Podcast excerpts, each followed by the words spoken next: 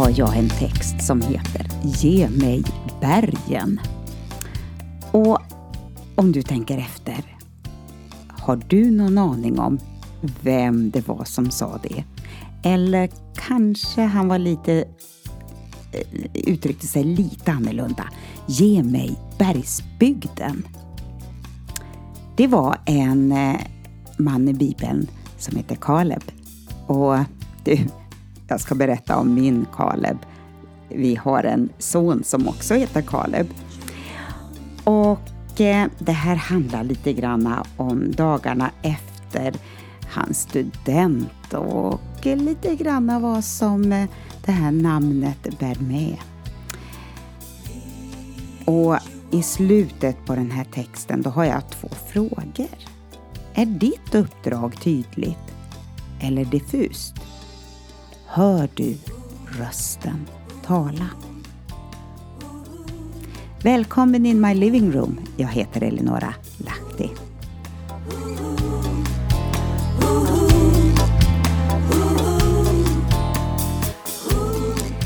Vad vi har festat och firat. Ja, jag har nog gått upp ett par kilo och på min längd är det inte bra. Jag har handlat, bakat och lagat mat. Det var dags för sonens student. Efter den blev det några skolavslutningar till på bara några få dagar med fantastiskt fina framträdanden. Betyg och olika priser har delats ut till de fint festklädda ungdomarna. En av mina elever fick estetpriset. En flicka som trots hårt arbete i mina ämnen, kemi och matematik, inte nått uppsatta mål. Men på estetområdet, då blommar hon ut i full kraft. Så underbart att se. Våra förmågor och talanger visar sig inte överallt i alla sammanhang. Men i rätt omgivning med rätta förutsättningar kan det komma fram. Likadant är det med elever på idrottsdagarna. Där får jag se många stjärnor lysa klart. Som jag kanske inte ser så tydligt i mitt klassrum. Nu ska alla dessa ungdomar hitta var de ska passa in i livet, i samhället, i yrket, i kärleken. Så många val de ska göra som kommer att ha betydelse för framtiden. Ibland kan vi göra om och göra rätt. Ibland blir det fel och man måste hitta ett förhållningssätt till det som man nu lever mitt uppe i. Och ibland är allt bra, så helt rätt. Och vi ska se till att vända oss till Gud. Då också.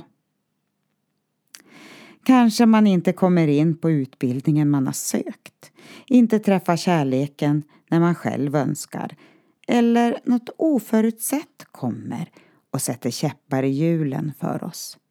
Jo visst, jag vet, det är jobbigt, det är tråkigt, det är tröttsamt. Då. Att ha ett öppet sinne i med och motgångar ger en tillgång och en möjlighet att leva ett spännande och innehållsrikt liv.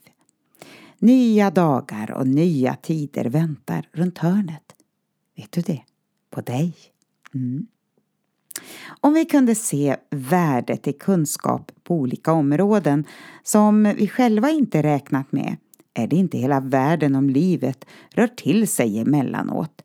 Nya perspektiv som du aldrig annars hade kunnat få är nu din rikedom och extra utbildning.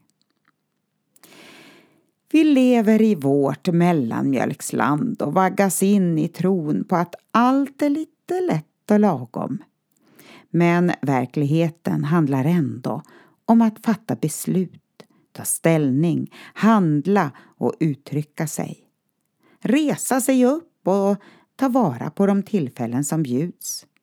Inte vara för fin i kanten utan frimodigt och ärligt se att jag alltid något nytt att lära mig. Något nytt att förstå och något nytt att erövra. och något att bidra med till andra. Och jag då? Ja, jag som har fattat mina beslut i yrkesval, boende och kärleken i livet. Vägen fortsätter vidare och vi måste ha öppna sinnen och öppna hjärtan. Och Gud talar till sitt folk. Och vi som har varit med några år, vi får inte tappa glöden och frimodigheten, nyfikenheten och spontaniteten. Min son som tog studenten, han heter Kaleb, ett bibliskt namn. Bibelns Kaleb frågade inte vad andra tyckte. Han vågade stå upp för det som han såg var rätt. Majoriteten av Israels barn missade uppdraget Gud gett till dem.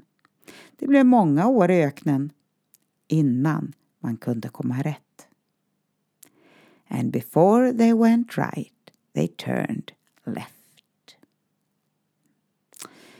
Många förstod inte Kaleb och Josua, de var annorlunda. Men de gick på Guds uppdrag.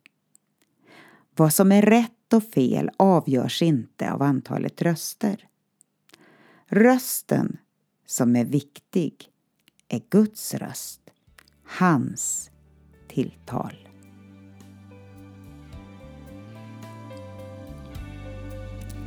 I Josua kapitel 14 står det som du ser har Herren under de 45 år som gått och medan Israel vandrade omkring i öknen låtit mig få leva och vara frisk. Och idag är jag 85 år. Jag är lika stark nu. Jag kan fortfarande leda folket. Ge mig bergsbygden som Herren lovade mig.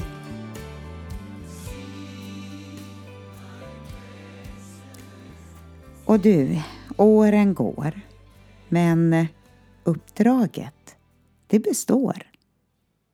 Och du, löftet består trots att åren går.